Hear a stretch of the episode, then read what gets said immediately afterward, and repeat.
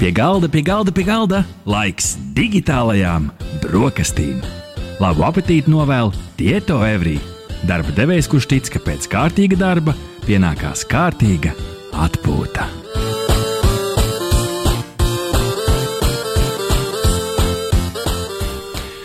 Labrīt, labdien, labvakar, lai arī kur jūs mūs klausītos, vai 95,8 FM, NABLV tiešraidē, vai arī ieraksta formātā Delfa podkāstu sadaļā, Spotify, Apple podkāsts, Android podkāsts, visur, kur ierakstot hashtag digitālās brokastis, jūs varat saņemt savu ikdienas tehnoloģiju ziņu devu, kā jau katru piekdienas rītu ar jums kopā ir jūsu piekdienas rīta šefpavārs Ahķis, un ar man pretī sēž mans piekdienas rīta gurmāns Ričijs. Vai tas gatavs amat?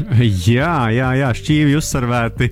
Un um, nu, gribu visiem teikt, ka lai jums pavasarīgs sveiciens, ja arī jūs mūs klausāties rudenī, ziemā vai kādā citā gada laikā. Podkāstu burvība vai ne? var dzirdēt, jebkurā laikā, jebkurā vietā.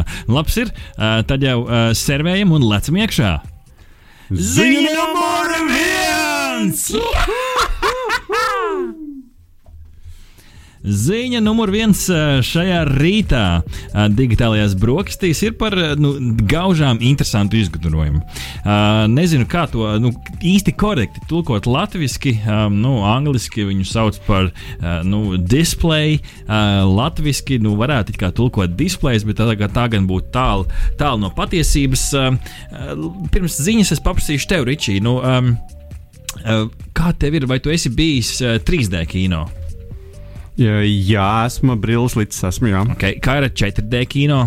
Um, es esmu bijis arī tādā, kur kaut kāda ūdens ejā špricē nu, redz. un krata krēslu. Uh, vai tu kādreiz gribējis uh, izbāzt mēli ārā un sajust, uh, kā garšo tas supervaronis uh, vai kā tā pica, ko viņš tur rāda uz lielā ekrāna? Nu, varbūt supervaronis mazāk, bet uh, nu, pica, kāpēc ne? Kāpēc ne? Nu, redz, uh, ir radīta, nu, saukšu to par ierīci. Uh, ierīce uh, Japānā, kā raksta kursors LV, uh, pētnieks Homei Miešita ir uh, iznācis uh, klajā ar savdabīgu ierīci, mm, kuru nolaizot, uh, tu vari sajust uh, dažādas garšas. Uh, dažādas garšas, kas uh, pateicoties nu, dažādām nu, tur, ķīmiskām vielām, sauksim tās tā, nu, nekas īsti kaitīgs veselībai, bet nu, spēja radīt uh, saldu, skābu, rūkstu sāļu un pikantu garšu uh, ar žēlēju uh, palīdzību. Uh, vai Ričī, šī ir nākotne, vai mēs nākotnē aizjot pat uz blakus esošo kino, varēsim laizīt uh, displejus? Nu, katrā ziņā nu, izskatās, ka tas noteikti papildinās to uh, realitātes uh, sajūtu, klātbūtnes efektu.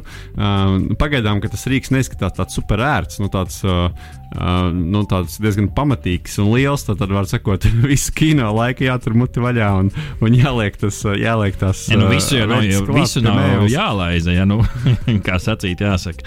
Uh, bet, nu jā, interesants izgudrojums.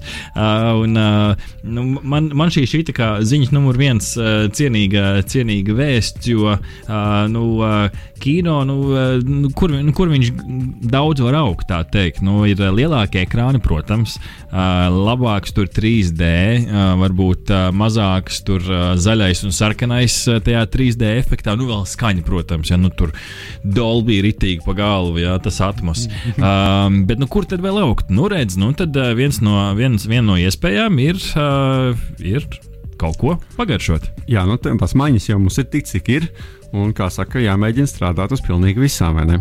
Nu, jā, tā kā interesants izgudrojums redzējis, vai tas tālu kaut kur aizies. Nu, tur tā žēlējas, tur pamatā esot agars, neprasiet, kas man tas tāds ir, bet nu, kaut kāda ķīmiska viela, un tad pievieno glicīnu, uh, lai radītu saldu, citronu skābi, skāba, nātrija chlorīts sāļš, magnīja chlorīts rūkts un nātrija glutāts glutamāts, pikants, tad piespiežot pie mēlis, cilvēks sajūt vienlaikus šīs garšas, ko rada šīs žēlējas. Nu, tā praktiski runājot, vienkārši sajaucās kā nu, māksliniekam uz paletes krāsiņas. Mm -hmm. Tad viņas tomēr jaucās. Nav tā, ka tur tikai viena dod laukā, tur kaut kādu komplektiņu ar nu, kā... tur, tur sajaucās, lai, lai dabūtu to jā, precīzo garšu. garšu. Jā. Lieliski, lieliski izklausās ļoti interesanti. Katrā ziņā nu, redzēsim, vai, vai blakus popkornam uh, tagad ejot iekšā kinoteātrī.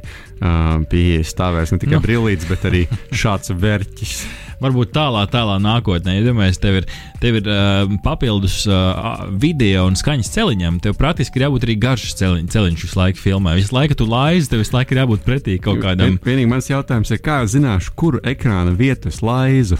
Nu, iedomājies, tur var sanākt arī tāda nepatīkama situācija. Nu, teiksim, piemēram, tur ir. Kāds sasvīts supervaronis. Un blakus ir pits, blakus ir pits restorāns. Un tad, nu, abo, abos gadījumos tad jautājums, kur tu trāpīsi, kurā, kurā ekrāna vietā. Nu, redzēsim, redzēsim, redzēsim. Katrā ziņā interesants veids, kā varbūt paplist kino uh, plašums uh, daudz plašākus. Ziņa numur divi! divi.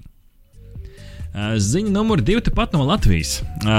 Jauna uzņēmīga cilvēku grupa, kuras nu, priekšgalā izvirzies Alvis Rozenbergs, kas ir nu, video nozars nu, speciālists, eksperts, uh, ir uh, izdomājuši startēt ar jaunu produktu. Produkts gan vēl ir tādā prototypu fāzē, bet nu, šobrīd, uh, kā, kā man Putiņš pačukstēja, cītīgi strādājot pie finanšu vākšanas, vēlam veiksmi šob, vai nu vakar vai šodien arī Igaunijā startē vienā akceleratorā, lai dabūtu papildus finansējumu.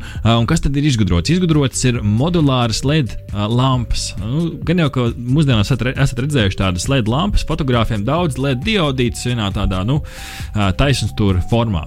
Nu, kas tad šeit ir izgudrots? Šeit ir izgudrots uh, trapeces formā. Nu, ja mācīsies geogrāfiju, uzreiz sapratīsiet, kā tās izskatās. Un pateicoties geometrija. Geometrijas piedošana. Geogrāfijā diez vai pat trapecē. Nu, tur jau var šis tas varbūt arī kāda valsts trapeces formā.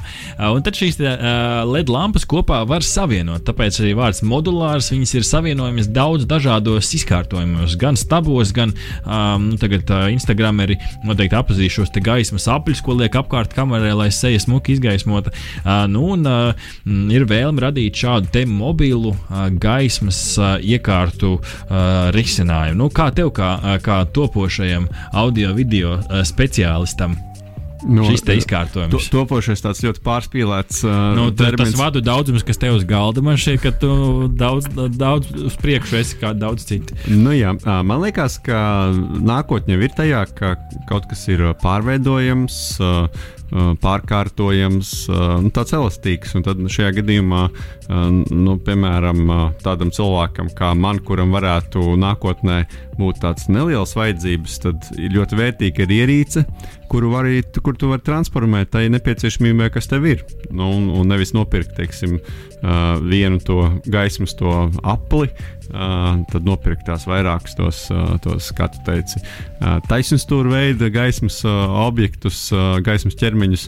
Nu, tad šeit ir lieliski iespēja, ja tiek piedāvāta tā, tā fleksibilitāte. Pasali, saliec tās trapeces kopā, kā tu vēlies, un izmanto tā kā vajag. Nu, jā, tur jau ir tas suns slēpjas pareizi apgaismojumā.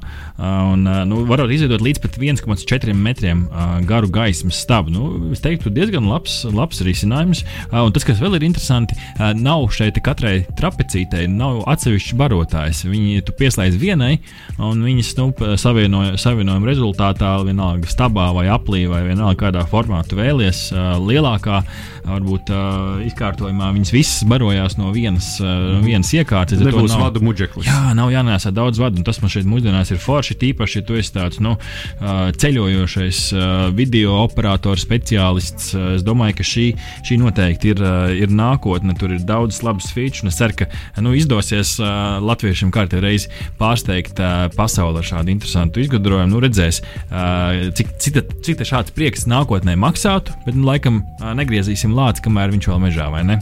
Jā, tā. Ziņa numur 3! Digitālais brokastīs ziņa numur 3 ir par Waze. Ričī, kas bija pēdējā lieta, ko tu ziņoji Veizā uz ceļa?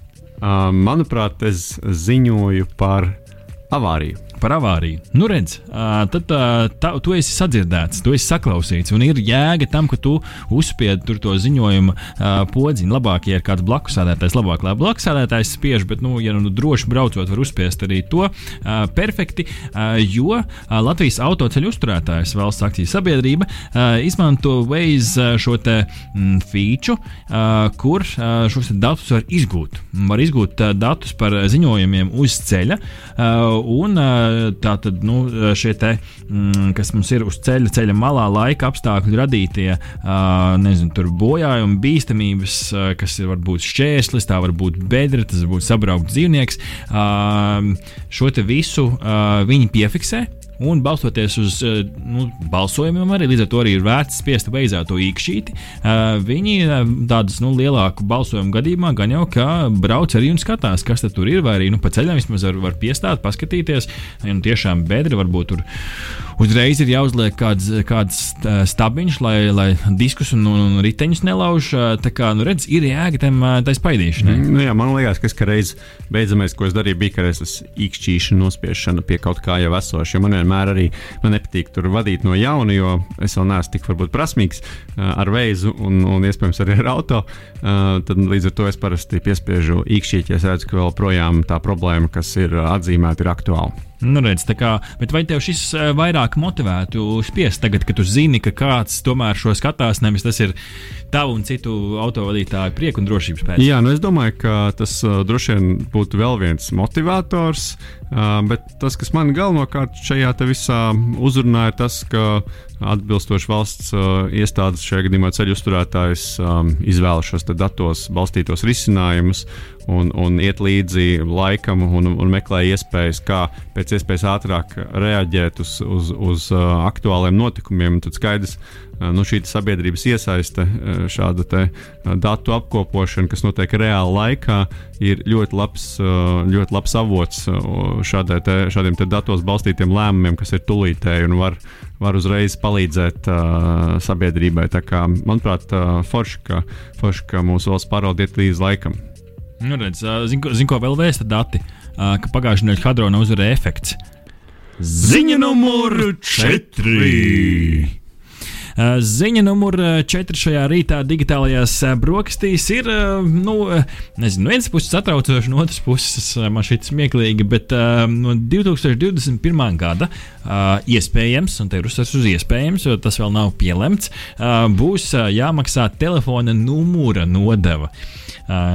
Te man nāk prātā joki par to, kam tad vēl var uzlikt nodokli, varbūt tā gaisam, ko elpo. Bet nu, satiksmes ministrija savā ziņojumā vēstījusi, ka apsver iespēju sākot ar 21. gadu pakāpeniski ieviest ikgadēju nodevu 4 centu apmērā par katru telefonu numuru, kurš tiek izmantots. Un, nu, tā, rezumējot to sarežģīto informāciju, kas tur tālāk aprakstīta, ir nu, diezgan daudzi numuri tiek izmantot ne tikai nu, reālām cilvēku vajadzībām, bet, ja mēs tā padomājam, simtkartes mūsdienās ir gan planšetēs, gan, gan dažādās citās ierīcēs, kur vajadzīgs ir mobilais internets, un tad nu, izmanto šo simtkartes tehnoloģiju. Protams, simtkartei tiek piesaistīts numurs, un rezultātā tas nu, pāriet, šis vairs īsti nav tāds telefona numurs, tas jau ir tāds nu, gandrīz vai tehniskāks, tehniskāks numurs. Tur ir um, iesaistīts gan šis lietu interneta ierīces, gan mašīnu to mašīnu ierīces, ka ne tikai ka tu caur planšetu kaut ko, bet ka ierīces savā starpā sazinās ar mobilajiem sakariem, nezinu, kaut vai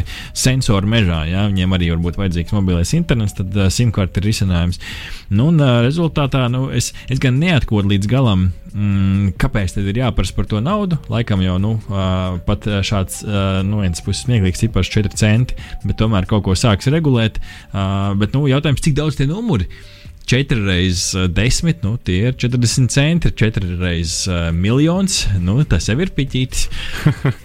nu, jā, un no otras puses jāsaka, gan, ka uh, nu, mēs jau esam pieraduši pie diezgan zemām um, šo pakalpojumu cenām. Ja mēs paskatītos salīdzinošās cenas uh, Eiropā, mēs nonākam pie secinājuma, ka ja varbūt arī šobrīd uh, kopumā cenu tirgus varbūt arī pat sāk izlīdzināties, iespējams. Tad uh, pirms kāda laika mēs esam dzīvojuši diezgan lielā paradīzē. Es atminos pats savu laiku, kad es kādreiz Erasmus studiju ietvaros dzīvoju Čehijā. Man liekas, ka es par dažām īziņām samaksāja tikpat jā. daudz, cik uh, par uh, visu mēnesi šeit Latvijā. Nu, tā, kā, tā kā kopumā jau uh, mums uh, daudz Vajadzīga tikai noticis pareizā virzienā, jā vai ne? uh, bet, nu, no otras puses, jebkurā gadījumā jāsako līdzi, kā tur tie četri centi attīstīsies. Jā, jo- ja zinu, ka tas ir nopietns jautājums, par Jo- to tiešām nopietni spriež. Jo ir pat lēti, uh, salīdzinot ar kaimiņu valstīm. Lietuvā šī nodeva 7 centi, Igaunijā 35 centi. Nu, tad, uh, nu, joprojām maz par gadu, uh, bet, uh, bet nu, tāpat tās pie mums tas varētu būt daudz mazāk. Un tad varētu būt arī izveidota jauna numerācijas sistēma, kur šīm mašīnu ierīcēm, nosacīti ierīces, kur reāli cilvēki nezina otrā galā, tam varētu būt 11 vai 12 ciparu numuri speciāli pakalpojumu, pakalpojumu sniedzējiem. Tā Kā, nu, redzēsim, kā tas attīstīsies. Katrā ziņā interesanta vēsts digitālajā pasaulē. Ziņa numur 5. 5, 5, 5, 5.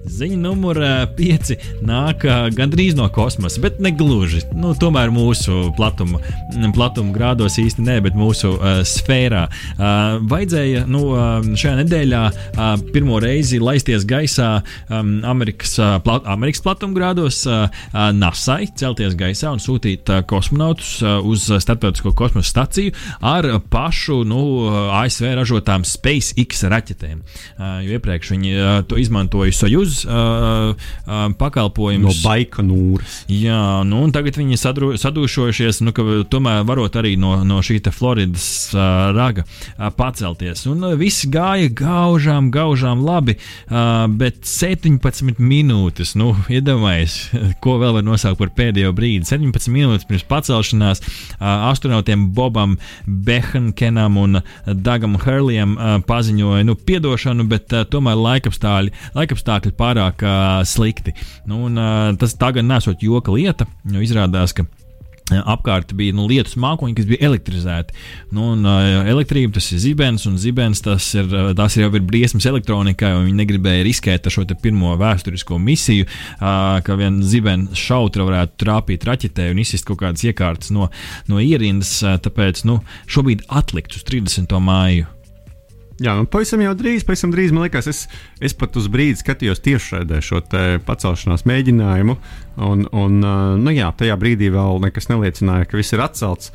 Uh, visi sēdēja tur, kur viņiem jāsēž, un, un, un gaidīja brīdi, kad uh, šausies uh, vaļā. Bet, kad pašaus vaļā, bet, bet izrādās, ka tomēr labi ka atslēdzos, jo nekas nenotika tālāk. Vai tavuprāt, mūsdienās eh, šādas te, um, cilvēku pacelšanās debesīs, nu, tā gan nav mēnesis misija, vēl uh, vienkārši uz starptautisko kosmosa staciju, vai tās, tavuprāt, vairs nu, nozīmē kaut ko cilvēkiem? Jo nu, tur uh, 20. gadsimts, nu, tur gan, protams, bija ie- ievērojamāks misijas apkārt mēnesim, uz mēnesi, nu, tagad uz kosmosa staciju gan tikai, bet nu vienalga. Uh, vai, vai, vai tas ir, nu, vai, vai šis, šis te šarms ir uh, kļuvis nedaudz banāls? Es jau teiktu, ka cilvēks tas joprojām saista. Um, protams, ka nekad tas nebūs tā kā pirmo reizi, kad pirmo reizi kaut kas tāds notiek. Tad, protams, visi ir, ir, ir ļoti aizrautīgi par to.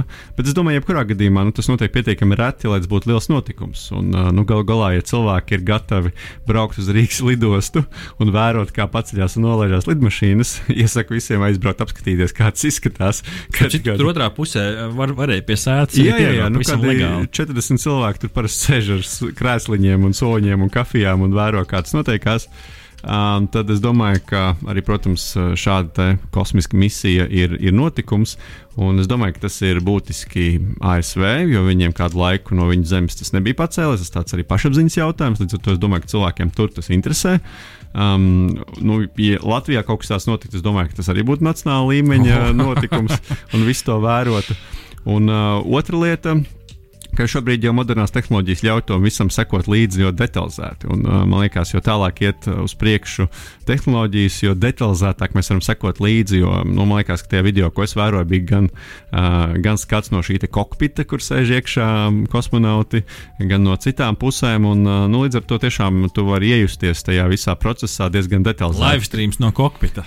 kas agrāk, agrāk varbūt nebūtu bijis iespējams noteikti. Tā kā Pavisam drīz tu varēsi pasūtīt dziesmu uz kosmosa kuģa.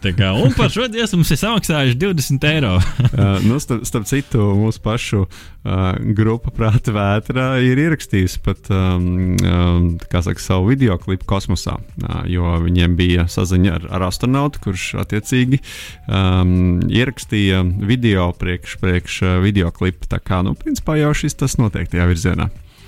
Nu, jā, tā kā nu, gaidīsim to 30. datumu, 30. maija. Uh, sanāk, um, skatos, nu, jau pavisam drīz. Skatos, tagad, uh, cikos tas lidojums tur mums ir. Um, plānoties uh, laika 4.33 pēcpusdienā Eastern Time. Un tad ierakstiet Google ET 4.33. Varbūt mēs to pašu varam uzreiz izdarīt. 4.33 ET. Uh, Un Latvijā nu, skatāmies, ko tu mums, ko tu mums teiks. Tas būs 11.33 no rīta. Tā kā 11.33 uh, rītdien. Jā, burvīgi. Sestdiena, 11.33. atrodam NASU YouTube. Tur būs noteikti live streams, gan jau arī SpaceX būs live streams. Nu, tā kā varēsim uh, sekot līdzi, kā tad, uh, kā tad iet, vai, vai lidos, vai nelidos. Ziņa numur 6. Ziņa numur 6. Ziņa nu, priekš visiem tiem, kam. Nu, kam bail no 5G. Uh, šis gan var, šī ir vairāk brīdinājuma ziņa. Neesiet lēticīgi. Nu, nerunāsim par visām teorijām sazvērstības, ko 5G izdara. Tur cilvēki tur aug ar divām galvām, dzīvniekiem pieci pupi. Vēl sazini, kas šoreiz nu, uh, viltu ziņa ir radījusi satraukumu internetā, jo tā ir nu, iegūst kaut kādu veidu atbalstu no dažādām 5G, anti-5G grupām, kuras arī dedzina toņus un vēl zina, kādas ļaunprātības dara. Um, nu, ir radīts produkts ar nosaukumu 5G BioShield, 5G biovairoks, uh, kurš pārdodas internetā par 350 ASV dolāriem un sola, ka tā kvantu hologrāfiskā katalizatora tehnoloģija uh, pasargājot no visiem 5G starojumiem. Un tad tu iesprādi šo USB uh, nu, ierīci savā datorā un strādā laimīgs. Uh, bet kā izrādās, šis ir nekas vairāk kā 128 megabaitu vecs USB stiks, ar varbūt speciāli nokrāsots un pasniegts kā BioShields. Nu, un, nu, diemžēl cilvēki arī uzķeroties. Jā, nu samaksā 350, nu vai pieņemsim, tur pārkonvertējot iespējams kādus 320 eiro par, par 5 eiro vērtu. USB tas nav 5. Es pat nezinu, kur vispār tādu var nopirkt mūsdienās. 128 megabaiti. Ah, nu, tur vispār nekā nav iekšā. Ja tas principā labi, jā, nu tad vismaz tu neko tur neieliksi. Uzreiz sapratīs, ka nav nekādas jēgas. Bet katrā ziņā, jā, nu, domājam līdzi, tehnoloģijas iet uz priekšu, no tā nu, rodās mums ļoti daudz iespēju, bet nu, vienlaikus arī daži dažādi izaicinājumi. Un, nu, tad, jā, šādas, te, šādas te kļūdainas ziņas, iespēja mēģināja mūs piemānīt visu laiku parādās. Tāpēc mums jābūt gudriem, jāsako līdzi jaunākajai informācijai, un, un tad jau mēs neuzķersimies. Jā, jo, um, kur tas segums radās, BBC News ziņoja, ka uh, Glastonberijas uh, pilsētas uh, domei viņiem ir 5G nu, padomnieku komiteja. Un viens no tās padomnieku komitejas pārstāvjiem ir uh, nu, šo te publiskā, publiski atbalstījis, kas ir nu, radījis tādu, nu, ja jau viņš ir komitejā, nu, tur pilsētas dome, nu, tad jau uh, laikam gudrs cilvēks. Nu, beig, beigās, laikam, nezinu, netika gudrs. Uh, nu, tā kā uzmanieties, uzmanieties gan ziņa numur septiņi!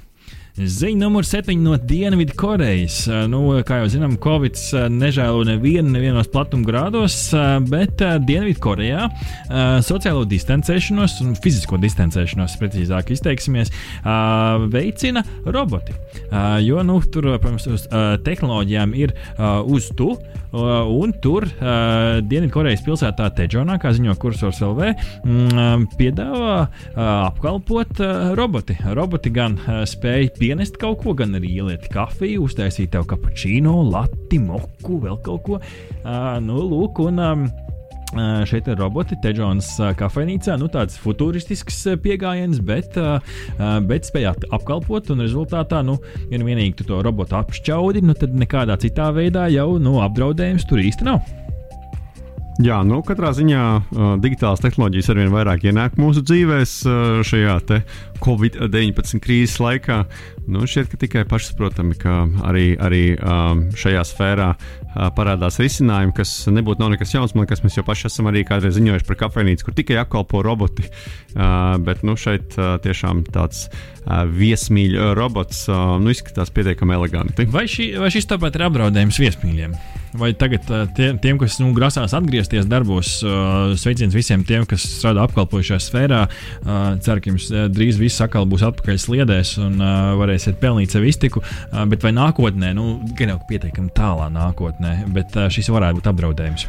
Es domāju, ka tas drīzāk varētu būt apdraudējums kādās iestād, ēdināšanas iestādēs, nu, tieši viesmīļa arodam, kur ir milzīgs cilvēku skaits un varbūt tā apkalpošanas kvalitāte nav tas galvenais. Uh, um, galvenais aspekts, uz ko koncentrējas konkrētais pakalpojums sniedzējs. Um, es domāju, ka tāds cilvēcīgais kontakts un, un uh, personīgā attieksme un spēja reaģēt netradicionālās, nestandarta situācijās būs jebkura viesmīļa tik un tā tāds uh, pamatprasmu komplekts. Uh, un, un uh, to robots visdrīzāk nu, tādā vismaz pārskatāmā nākotnē, es domāju, nespēs aizstāt. Līdz ar to, ja mēs aiziesim uz restorānu, es domāju, mums tik un tā apkalpos viesmīlis uh, cilvēks, un, un, un varbūt tikai kādās ātrās ēdināšanas iestādēs, restorānos mēs varētu biežāk sastapt robotus. Tad es gribu teikt, ka tas cilvēciskais aspekts tomēr pārāk, pārāk svarīgs. Tas smaids, tas eh, labrīt, tas eh, vai jums garšoja, tas tomēr eh, nu, robotiskā balss to tomēr nespēja sadarīt. Nu, droši vien jau ka ar laiku spēs, bet uh, tur klāt ir jāņem tas, ka ir jānolasa arī manas kā klienta emocijas, jāsaprot, uh, ko man gribās, ko man negribās, kas man patīk, kas man nepatīk, uh, kā es jūtos. Un uh, droši vien, ka nu, vēl kādu laiku robotiem ar to uh, nāksies uh, pacīnīties cīnīties. Ziņa numur 8. Ziņa numur 8 nu, par čīteriem, Ričī. Kādu laiku atpakaļ ziņojām, ka dažādi sporta veidi pāriet uz virtuālo vidi. Tur futbols, basketbols, hokejs, tas skat arī autosacīkstas, NASCARs F1. Un nu, nepagāja ne, ne ilgs laiks, kā ir pieķerts čīters. Nu, no vienas puses, kas tur īpaši, no otras puses, nu, pavisam interesants stāsts. Virtuālo Formula E sacensību pilots, nu, tas E par elektroniskās sacensības. Ir pieķerts krāpšanās gadījumā. Spēlētājs Daniels Aptū mm, ir nu, pārsteidzoši pārsteidzoši pieķerts pilots, kurš sacensībās nu, tur parasti ir sacenties par kaut kādu nu, 15. pozīciju, pēkšņi ir nu, līderim uz astē sēdējis. Sacensības nu, tādas kārtīgas, ar naudas balvām un sodiem, tā skaitā saņēma diskvalifikāciju un 10 000 eiro lielu naudas sodu. Uš. Šeit tas ir smagākais čītošanas gadījums. Viņš ir čītojis nevis ar programmatūras īsta palīdzību, nevis ar kaut kādu čītu programmiņu, redzējis tur cauri sienām vai mēķējis automātiski pa trajektoriju, bet viņa vietā izrādās ir braucis e-sporta braucējs Lorenz Hoersings. Uh, kurš uh, pats piedalās uh, citā virtuālā sacensību līgā, un laikam ir, nu, vai nu viņi tur ir čomi, vai, vai, vai nevarējis piedalīties pats, un līdz ar to izmantojis Daniela aptūpu par savu seju. Un izrādās, ka nu, viņiem visiem vienlaikus ir bijis pieslēgts zooms, un viņi filmē šo, šo te braucēju arī pašu, kā viņš atcenšas, bet nu, tur laikam bija kaut kas pielikts kamerā priekšā, tur īsti nevarēja redzēt, kā viņš to stori grūzi un, groza un tā tālāk, nu, un beigās pieķēra. Jā, nu, katrā ziņā uh, saprotu, ka cilvēks nožēlo nodarīt to droši vien nomaksās arī sodu. Es par desmit tūkstošiem arī nožēlotu, kādā asara nobirdināt. Jā, un, un, un tā, bet man liekas diezgan, diezgan, diezgan jautri, protams, ka, ka, jā, kāds mēģina šādi šmaukties. Bet, nu, rekā viss nāk gaismā, un tas ir labi. Galvenais, lai ir, lai ir, lai ir godīgi un, un viss, kā saka, notiek tā, kā tam būtu jānotiek. Man ir interesanti, liekas, ka tas augstākās līgas pilots bija gatavs viņu tā ņemt un aizvietot tiešām. Viņam jau droši vien uh, vajadzēja padomāt, ka, uh, ka kaut kādā brīdī. Čīteriem īsas kājas, jā. jā, man liekas, tehnoloģija laikmetā tam liekas ir vēl vieglāk atklāt. Uh, jo nu, tomēr visi jau fiksē, uh, fiksē datori. Es saprotu, ka tur arī ka tās IP adreses bija tās, kas uh, nodeva, nodeva to, um, to, to braucēju. Nu jā, tā kā nevajag čītot. Uh, tīpaši, ja, ja sots ir 10,000 eiro apmērā. Ziņa numur 9. 9. Ziņa numur 9. Sveiciens visiem Pokemon Go spēlētājiem, visiem tiem brašiem, kas Vai joprojām... jūs tur vēl esat? Es domāju, ka ir. Esat, ir. Jo spēle ir kļuvusi atkal populāra Covid laikā, šajā ārkārtējos apstākļos, jo spēle ir spējusi pielāgoties, un cilvēkiem vairs nav tik daudz jāsteigā apkārt. Ir diezgan daudz labas iespējas arī cīnīties, ķert un, un, un, un, un evolvot Pokemonus arī no mājām. Bet diezgan interesanta tehnoloģiska ziņa jo Pokemon Go spēle tiks papildināta ar, ar uzlabotu virtuālās realitātes iespēju. Par šo jau mēs šeit stāstījām kādu laiciņu atpakaļ. Viņi to sauc par reality blending, jeb šo nu, realitātes blenderēšana, jeb sasaiste ar, ar, ar, ar virtuālo. Un, uh, tas, kas būs uh, pieejams uh, tuvākajā laikā, nākamajos uh, jūsu dzīvnieciņi, jūsu Pokemon Go dzīvnieciņi spēs paslēpties aiz reālām lietām. Nu, tur nu, klasiskais stāsts, tu ej pa ielu, redzi Pikachu, priekšā tante, pēkšņi Pikachu tantei uz, nezinu, uz muguras sēž. Ja? Nu, nav īsti realistiski, ja viņš nu, joprojām tēlo, ka viņš stāv uz zemes. Ko Kura viņa... tante gribētu, lai viņai uz muguras sēž Pikachu? Tieši tā, un tagad tas Pikachu varēs paslēpties aiz tantes un varēs izbāzt savu galviņu, un tad tu varēsi viņu ķert. ķert ciet. Nu, te gan man jautājums, kā tās pokebumbas reaģēs. Ja tu trāpīsi tantei pa dibenu, Pokemons arī noķersies, tu noķers tanti vai arī bumba atliks. Nu, es domāju, ka noķert tādu tas būtu next level. Tur droši vien jāgaida vēl kāds updates. Kāda pāris tūkstošu gadu nākotnē. Ko, ko tu gribētu noķert Pokemonā? Uh, es, uh, nu, principā, droši vien, nu, jebkuru Pokemonu, kurš man gadās pa ceļam. Bet es skatos, ka, nu, kopumā, nu, to, es tagad skatos video, kur uh, Pikachu lēkā apkārt objektiem, un man liekas, ritīgi glīti. Jo iepriekš tiešām viņš vienkārši skrēja pa priekšu, bet tagad, nu, es teiktu, ka diezgan veiksmīgi viņš spēja paslēpties aiz objektiem. Nu, tā, diezgan stilīgi. Tā kā tie, kas ir fani, um, Pokemon Go, nu, jauna forša feature, uh, kur taisīt bildītas, ierakstīt ekrānu un tā tālāk. Man tā virtuālās realitātes padarīšana gan vairāk tāda tehnoloģija interesē, jo tas tomēr ir, pārsteidzoši, ka dators reālā laikā spēj attēlu aizvietot aiz objekta, saprotot, kur ir zeme, kur ir siena, visu to plakni. Nu, man ka tas ir vienkārši prātam neatverami. Nu, kāds aprēķins milisekundēs tiek veikts tajā ierīcē, lai šo attēlu vienkārši mhm. paslēptu. Mm. Kā šeit, kas tur sīkums, paslēpt Pokemonu, kas tās muļķībā, no otras puses tā tehnoloģija, kas ir apakšā. Tas jau nav tikai par Pokemoniem. Nu jā, vienlaikus arī jāsaka, ka, uh, ka varēja manīt, ka tur, kur ir kustīgi objekti, aiz kuriem šim Pokemonam jāslēpjas, nu, tomēr tur tik perfekti nav vēl uztaisīts tas viss. Bet, nu, kādā ziņā tas viss ir. Beta versija. Ziņa numur desmit. Nu, noslēdzošā ziņa digitālo brokastu pirmajā daļā, nekur nebeidziet, jums būs arī otrā daļa. Pirmajā daļā noslēdzošā ziņa ir par YouTube. Es nezinu, vai tev tā ir sanācis, bet, nu, kā jau visiem sociālajiem tīkliem, tu ieeji, tu iesēdies un nosēdi līdz vēlai naktas stundai. Nu, tad beidzot YouTube būs iebūvēts rīks, ko tu varēsi ieslēgt, kas teiks, ej gulēt! Oho, tas gan ir labi. Tas gan ir labi. Man, man noteikti noderētu. Man derētu arī tāds vēl, vēl šur, šādās tādās lietotnēs, kas, kas man atgādina. Ko, ko tev vēl vajadzētu teikt? Uh, nu, kad vienkārši jāslēdz ārā tie Facebook video. Nu, redz, tā kā YouTube šis ir, varat šo te atrast settingos, time watched sadaļā, tur arī varat šo rīku atrast. Un, jā, tā kā šis bija digitāla brokas pirmās daļas top 10, bet, ja jūs klausāties tiešraidē, tad pēc 15 minūtēm, vai arī, ja jūs klausāties ierakstā, tad tu tūlīt pat mums būs saruna ar Tieto Evri par to, ko nozīmē studēt informācijas tehnoloģijas un datorzinātnes, ko nozīmē iet praksē un kā tad ir realitātē strādāt. Eh, tie to evrī, eh, šis noteikti ir aktuāli daudziem, kas pieņem eh, lēmumu par studēšanu. Nu tad pavisam pēc mirkļa mēs jau būsim atpakaļ. Bērni mācieties matemātiku. Aiziet! Kad dūšīgi ieturētas digitālās brokastis, var ķerties pie darba vai atpūtas. Galvenais - turēt visu īstajā līdzsvarā. Ja nezini, kur to meklēt, pamēģini Tieto Every simulātoru. trai.tieto.lv Pie galda, pie galda, pie galda laiks digitālajām brokastīm. Labu apetīti novēl Tieto Evrī. Darba devējs, kurš tic, ka pēc kārtīga darba pienākās kārtīga atpūta.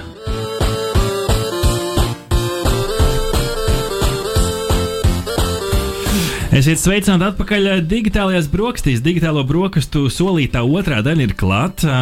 Mums studijā drošā attālumā ir kolēģi, viesi no Tieto Evri. Esiet sveicināti, labrīt, Marta Medne, HR speciāliste un Hermanis Ozols, Tieto Evri prakses programmas absolvents un jaunākais programmētājs. Labrīt! Labrīt! Čau, čau. Nu, kā ir šajos laikos, saprotu, ka darbs attālināti tā jau ir kļuvis gan izvēle par ikdienu. Kā tad tieto tāds iesildošais jautājums? Kā jums ir no mājām strādājot, braucat uz darbu, kā, kā ir programmēšanas uzņēmumā? Jā, nu, rūpējoties par darbiniekiem, protams, ka mēs esam devuši iespēju strādāt arī no mājām, taču arī oficiāls ir vaļā, vaļā, jo mēs, protams, saprotam, ka ne visiem ir iespējas vai, vai vēlmes strādāt no mājas apstākļiem, tā ka uh, droši var nākt arī uz oficiālu.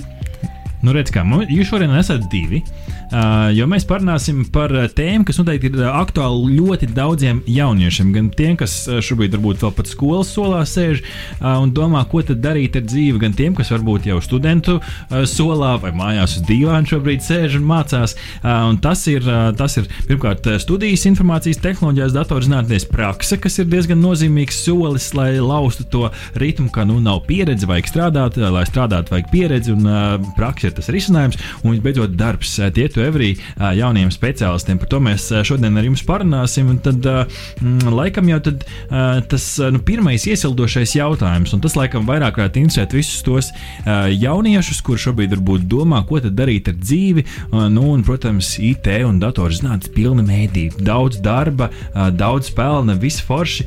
Bet kāpēc, kāpēc jūsuprāt, gan tev jautājums, Herman, gan tev, Marta, kādi ir tie galvenie iemesli, lai izvēlētos tās studijas IT nozarē?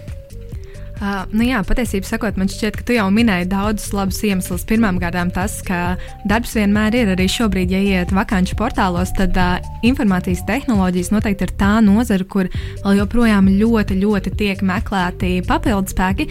Un, uh, nu, personīgi man šķiet, ka tuvākajos uh, gados tas noteikti, noteikti nemainīsies. Man bija vairāk tā vēlme kaut ko būvēt un radīt. Tieši tāpēc man liekas, ka uh, datorzinātnes ir viens no teikt, labākajām studiju programmām, jo tu vari actually kaut ko būvēt augšā un, un, un uh, veidot. Mm -hmm. Um, ja es esmu jaunietis šobrīd nu, vidusskolā, uh, kas ir varbūt tās prasmes, zināšanas, kas man būtu sevī jāizkopja, lai es varētu veiksmīgi uzsākt studijas uh, IT nozarē un vēlāk arī veiksmīgi iesaistīties darba tirgu? Um, es domāju, ka daudz gan jau teiks matemātika. Protams, man liekas, matemātika ļoti liela daļa no, no studiju programmas. Uh, Uh, bet realitātē es ieteiktu, varbūt paprovēt pašam, paprogrammēt un, un, un iemēģināt, kā tas ir dzīvē. Jo pa lielam darbā tev varbūt tā matemātika nebūs tik ļoti nepieciešama kā studiju laikos, bet uh, tieši varbūt tev vajag tieši to patīk programmēt un, un, un pašam kaut ko veidot. Jā, un šobrīd, manuprāt, ir īstais laiks, lai to patiesībā sakot darīt, jo tik daudzi bezmaksas online kursi ir pieejami. Nu, tā kā atver internetu un sameklē kaut ko lielisku un vienkārši sāc. Es pats arī īstenībā sāku ar teikt online kursu. Tas bija Free Code Camp, ja nemaldos, un, un tur vajag apgūt tādu basic HTML mājaslapu būvēšanu. Un, un, un tas bija tā kā, varbūt tāds pirmais solis, ko, ar ko es sāku. Kur tā, kur tā matemātika slēpjas? Man šķiet, ka tas ir tas nu, um, mistiskais jautājums, vai programmētājiem ikdienā tur daudz jārēķina, algebra, geometrija, jāreizina, vai tā matemātika vairāk ir par domāšanu? Kā ir Herman? Uh, tas atšķirās ļoti atšķirās no kādas uzdevums jāveic. Piemēram, es biju studiju laikos, es biju uz puslaiku uh, būvēju teikt, bezpilotu formulu, un tur bija tieši Aha. jāizmanto formula. Piemēram, tur bija Pitagora teorēma, jārēķina, cik tā mašīna ir tālu no konusiem. Un, un, uh, Pitagora teorēma. Pastāstiet, piln, pilnīgi praktiski. Un, ja, Visi vienmēr saka, ka nebūs vajadzīga, vai ne? Un iedomājieties, ja pasniedzējs sāktu savu kursu un teiktu, kādu dienu jūs ar Pitagora teorēmu reiķināsiet, kā mašīna neietrieksies konusos. Pilnīgi cita motivācija man šķiet. Jā, bet uh, arī īstenībā studiju laikos tur bija studija, man bija uh, vairākas matemātikas uh, klases, tā teikt, lineāra algebra, kalkulus tā saucamais. Un, un, un, Uh, piemēram, Logic and Reasoning, kur arī bija uh, buļbuļsāļu algebra vairāk. Un, un, un uh, tas viss arī kaut kādā veidā translējās uz programmēšanu. Uh, protams, kaut kas vairāk, kaut kas mazāk, bet tas, tā teikt, saknes, protams, ir matemātikā, programmēšanas. Jā, nu, tās hipotenūzas kvadrāts ir vienāds ar katru kvadrātu summu. um, gribēju jautāt, uh, kā tie tu evrī, uh, varbūt ikdienā strādā vai no ar, ar skolām, vai, vai, vai kā citādi atbalsta to, lai cilvēki izvēlētos, uh, izvēlētos IT studijas? Jā, viena lieta, kas pie mums notiek diezgan regulāri, ir tas, ka mēs aicinām vai nu vidusskolu pēdējo klašu skolēnus, vai arī nu, teiksim, pirmo kursu studentus pie mums ciemos ekskursijā. Parasti mēs pastāstām gan par uzņēmumu, gan arī paaicinām kādu uh, ekspertu, vai nu programmētāju, vai testētāju, vai kādu analītiķu pastāstīt nedaudz par savu ikdienu, un tad arī izvadājam ekskursijā, lai ir iespēja redzēt, kā notiek īstā darba ikdiena pie mums uzņēmumā. Uh, papildus tam arī atbalstam uh, teiksim, sadarbībā ar RT MVU attīstības fondu Zibītē stipendiju, mm -hmm. kas piešķir stipendijas tiem IT jomas bakalaura un maģistra darbiem, kur ir valstī vislabākie.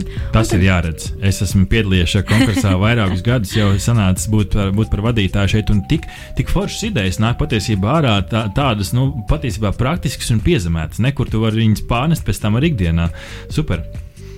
Jā, un uh, tad, protams, papildus tam arī ir daudz citi, varbūt nedaudz nelielāki projekti. Piemēram, šogad vidusskolēniem stāstīsim par kiberdrošību, uh, kur mūsu speciālisti IT drošības arī nedaudz, nedaudz pakonsultēs. Jā. Gribēju pajautāt arī par to nākamo līmeni, par augstāko izglītību. Kā varbūt man tur redz, kā, kā vislabāk, un Hermanim arī jautājums, kā vislabāk darba devējs par var iesaistīties procesā, lai tas absolvents būtu pēc iespējas atbilstošāks darba tirgumam? Nu, kas ir tie labākie veidi, kur jūs redzat, kur jūs varat pielikt savu roku? Vai tas ir studiju procesā pašā, piemēram, kādu vieslekciju nolasot, vai varbūt pat veselu lekciju kursu, vai, vai tas ir pie kādas studiju programmas izvēles? veids piesaisties tajā grupiņā klāt un teikt, ka šīs lietas noteikti būtu jāmācās, vai pasūtīt kādu pētījumu, vai, vai, vai, nu, vai kādu konkursu rīkot, vai praksi. Nu, kādi, kādi ir tie labākie veidi, kā, kā jūs redzat, uh, kā var atbalstīt uh, universitātes? Nu, teiksim, tāda iesaistē programmu izveidē, kā arī jā, lekciju vadīšana ir noteikti vērtīga, bet tas vienmēr ir tāds ļoti ilgtermiņa projekts. Ja uzņēmumiem nav varbūt tik daudz resursu, ko tajā visā iesaistīt, tad viennozīmīgi praksa manuprāt, nav izdomāts nekas labāks, kas studentiem ļautu patiešām saprast, vai viņiem patiesībā sakot, patīk tas, ko viņi mācās, vai viņi to ir gatavi darīt arī dzīvē. Man universitātē bija tāda ļoti interesanta lieta, kad uh, katru otrdienu nāca kaut kāda kompānija, pastāstīja par sevi un, un, un uzsauc pusdienas. Tā kā katru otrdienu varēja oh, paēst. Un, un, studentam un, bezmaksas sēdiens. jā, un tur, un tur nāca ļoti labas kompānijas. Piemēram, Tad jau labi baroja. Jā, jā. Subways katru, katru nedēļu bija un, un KPMG un ļoti diezgan labas kompānijas. Tāpēc bija, man liekas, ļoti interesanti īstenībā arī bija. Nu, redz, mēs, mēs dabiski nonācām pie tā jautājuma par, par praksi un par, par to pārēju no tās studiju vides uz to pirmo reālo darba pieredzi. Uh, un sanāk, uh, precizēja Hermaņa, ja es kļūdos, bet sanāk, tu esi tāds, nu, savā ziņā tāds uh, paraugu veiksmes stāsts, uh, kā uh, cilvēks, kurš ir mācījies, aizgājis ir praksē un nu jau uh, strādā uh, Tieto Evrī. Kā tas nācās? Bija kaut kāda īpaša arī prakses programma, kurā tu piedalījies? Uh, jā, es piedalījos Tieto, uh, tieto Evrī prakses programmā. Sāku pagājušā vasarā, jūlijā sākumā. Un, un, un es biju tā teikt, aizkavējos pa pāris dienām, jo es biju Nīderlandē vēl, bet tad es atbraucu un, un, un sāku praksi. Tur jau pārējie bija pāris dienas jau pastrādājuši, bet es ātri teikt, apguvu, apguvu ar, ko, ar ko būs jā, jānodarbojas, kas būs jādara. Un, un, un mēģināju arī pieslēgties. Lai, un, man liekas, mūsu projekts beigās bija diezgan veiksmīgs. Vai tu redzi arī, ka tas ir tāds, nu, viens no ceļiem, kā vispār nonākt pie darba devēja šobrīd, mūsdienās, nu, tāda šāda prakses programma, vai tas bija tā, ka tu tomēr tev tomēr likās, ka tu izdarīji kaut ko tādu, ko citi varbūt nemaz nedara. Nu, vai tas bija tā, tāda ekstra jūtas, ko tu nogāji, vai tas patiesībā ir normāls process, praksa, un tad tu tiec pie darba? Es domāju, ka tas ir normāls process, jo, jo tā bez pieredzes, es domāju, darba devējiem būs, nu, viņš varbūt neuzticēsies tev tik ļoti, ja tu nāks ar viņiem bez nekādas darba pieredzes, un tāpēc praksa, es domāju, ir ļoti labs veids, kā iegūt uh, pieredzi, un pēc tam jau varbūt arī turpināt darbu tajā kompānijā. Jā, nu, jautājums Martai, kā, kā ir ar, ar jauniem prakses dalībniekiem? Kā jūs redzat viņus jau kā potenciālus darbiniekus, vai vēl ar ļoti rūpīgu acu vērojat? Nē, patiesībā sakot, man šķiet, ka atlases process jau parāda tos, kuri vēlas un kuriem interesē, jo mēs vienmēr atlasām patiešām tādus motivētus jauniešus. Un uh, mūsu galvenais mērķis, patiesībā sakot, patiešām ir dot uh, šiem praktikantiem iespēju pēc tam jau palikt uzņēmumā. Tas ir tāds mūsu uh, pašiem ļoti, ļoti sirds silts sajūta, ir, ka tu saproti, ka šis cilvēks uh, pēc šīs prakses. Uh, saprot arī to, ka viņš vēlas palikt pie tevis. Jā. Mm -hmm. um, par praksi runājot, uh, tas tāds stereotips vai uzskats ir, nu, ka uh, nu, praktikants, nu, tāds, nu, tāds pusdarbinieks. Uh, stereotips uzskats nesaka, ka tā ir. Uh, kā ir Hermani, vai, vai reāli praktikantiem ļauj darīt kaut kādus īstus darbus, nu, vai arī tur vēl joprojām ir uh, pameklē šo kļūdiņu kodā un tāda līmeņa darbu? Kā tad ir ar to praksi? Nu, man liekas, ka mums ļoti paveicās, tāpēc, ka uh, mēs bijām seši praktikanti un mums bija pašiem savs projekts. Oho, pašiem jā, savs, uzreiz pie stūres. Jā, jā, nu, jāizsaka palielinām pašiem savu aplikāciju. Un, un, un tad mēs visi seši praktikanti sākām domāt, un mums nāca palī, palīdzēt, tā teikt, mentorēt. Uh, tie to arī darbinieki, un, un, un tas ļoti palīdzēja. Viņi varbūt sākumā vairāk teikt, skatījās uz pirkstiem, vaktēja, bet uh, ar laiku jau pēdējo, varbūt pēdējo mēnesi mēs jau tur palielinām paši, paši ņēmāmies un paši visu darījām, un arī zinājām, ko darīt. Uh, bet jā, es domāju, ka jā, mums bija ļoti paveicies tas, ka mums bija pašiem tas projekts. Mm -hmm. Es saprotu, ka praksa tā ir tāda dabiska tieto evrī sastāvdaļa, un jums ir pat nu, vasaras programma. Varbūt varat tā pilnvērtīgi izstāstīt, kas ir tā prakses programma, kā tas, kā tas strādā pie jums.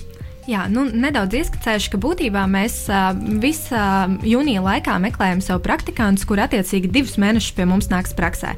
Uh, kā jau Hermans minēja, mēs uh, nemeklējam kādus, kur varbūt darīs maziņas lietas vai kaut ko tamlīdzīgu. Mēs patiešām vienmēr mēģinam atrast projektu, uh, kuru tad ļausim praktikantiem pašiem no A līdz Z izstrādāt, gan lai rodas pieredze par to, kā tas ir pašam strādāt komandā, organizēt savu darbu un tā tālāk. Nu, loģiski, mentori vienmēr ir pieejami un palīdz ar tādām sarežģītām sarežģītākām lietām, bet jā, tas prakses formāts ir tāds, ka divus mēnešus tu praktizējies, un pēc tam jau mēs runājam par to, kā tu varētu pievienoties mūsu komandai.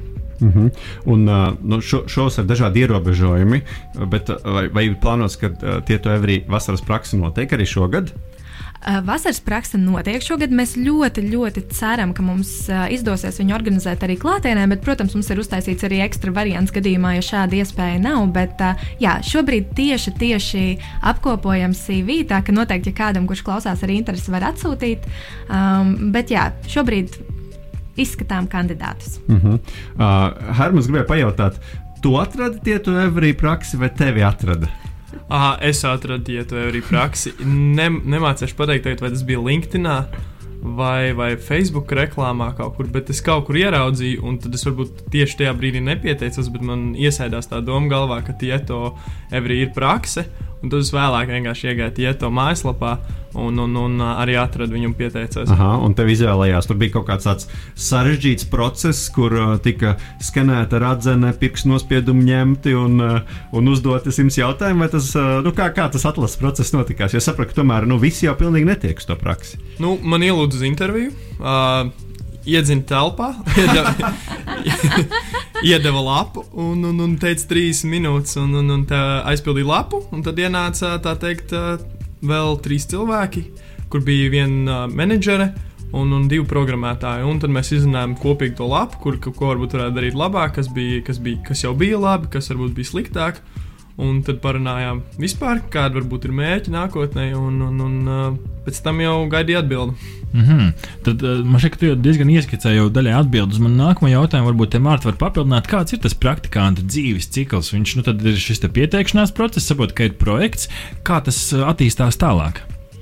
Uh, Tieši prakses ietvaros, tu Jā. domā, ja? okay, tā tad jā, ir šis atlases process, un tad, kad praktikants uzsāk būtībā strādājam pēc agile metodoloģijas, tas nozīmē, ka katru rītu ir stand-up, kur tad mentori uzdod kaut kādus taskus, ir tāfela, tur attiecīgi tiek likts, kā viss tas kustās uz priekšu un tā tālāk.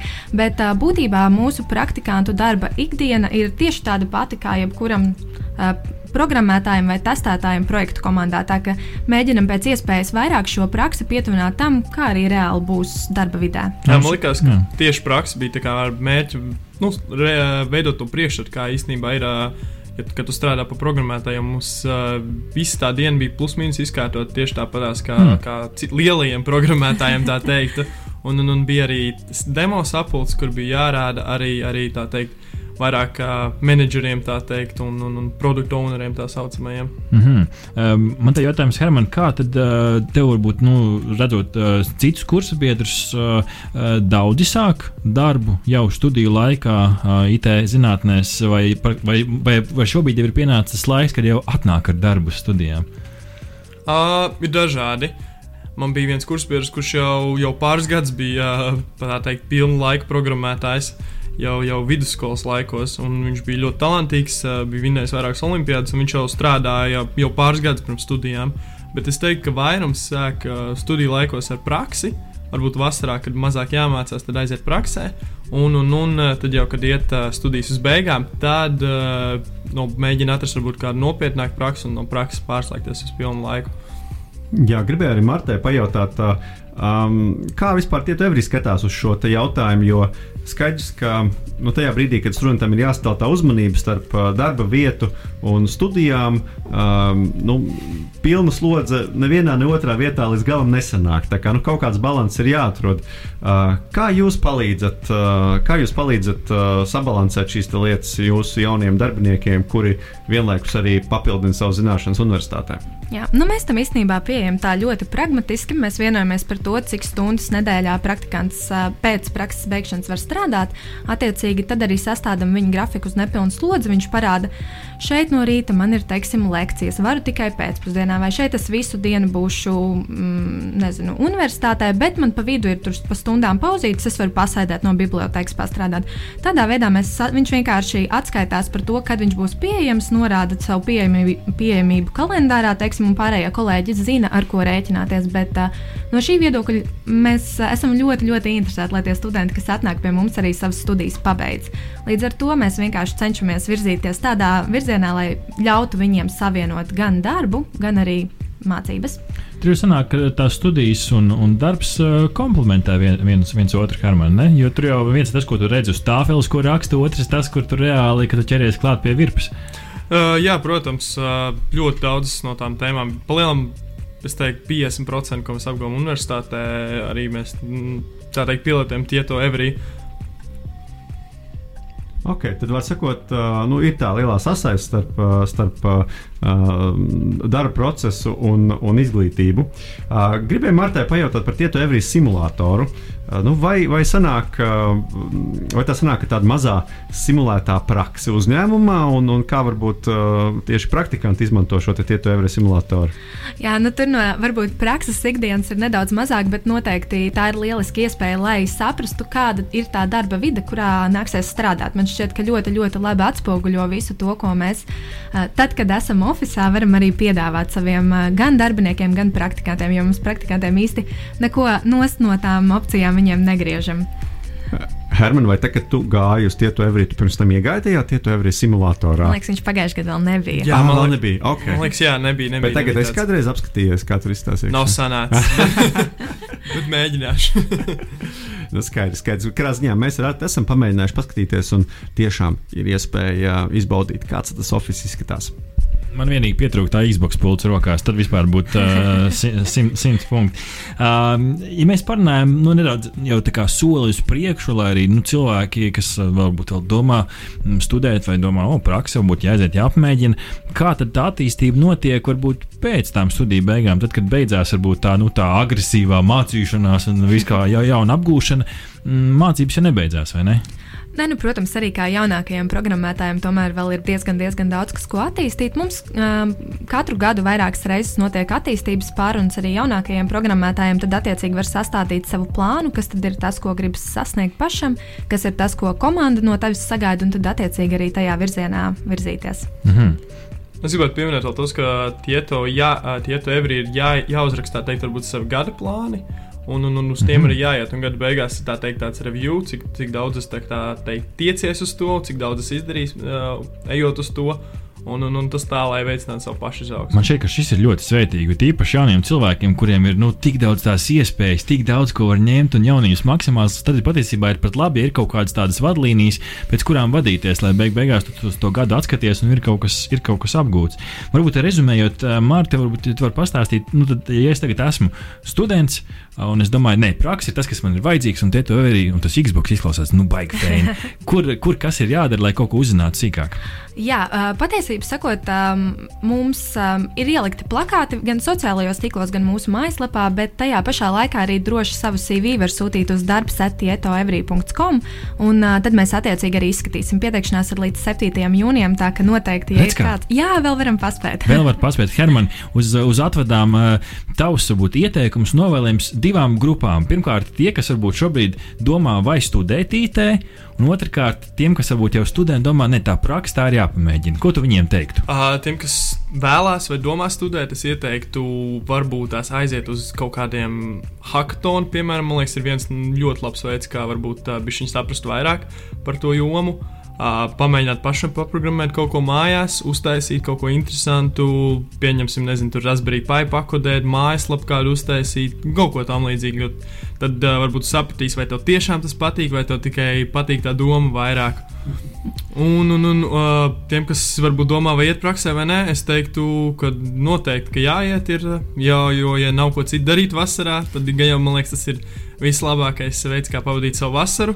Tāpat tu, tu pēc pieciem, sešiem jau esi brīvs. Un, un, un, uh, Pat man liekas, daudz, daudz, daudz tikai tad sāk diena gandrīz, ja, tu, ja, tu ne, ja nav ko darīt pavasarī. Tā kā es domāju, ka kaut ko apgūt ir ļoti labi, ļoti labi iespēja kaut ko apgūt un, un, un varbūt pat uh, turpināt darbu, ja to evrī.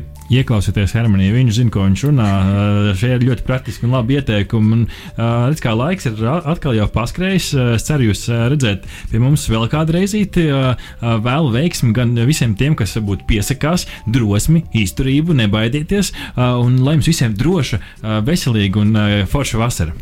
Paldies! Visu labu! Jā, pie mums uh, studijā bija no Tieto Every, uh, Marta Medne, HR speciālists un Hermans Ozols, Tieto Every prakses programmas uh, absolvents un jaunākais programmētājs. Tā kā nu, pamēģiniet, tas simulators, starp citu, trai.tieto.lv pavisam vienkārši uh, pamēģiniet, uh, kā tad ir uh, būt uh, Tieto.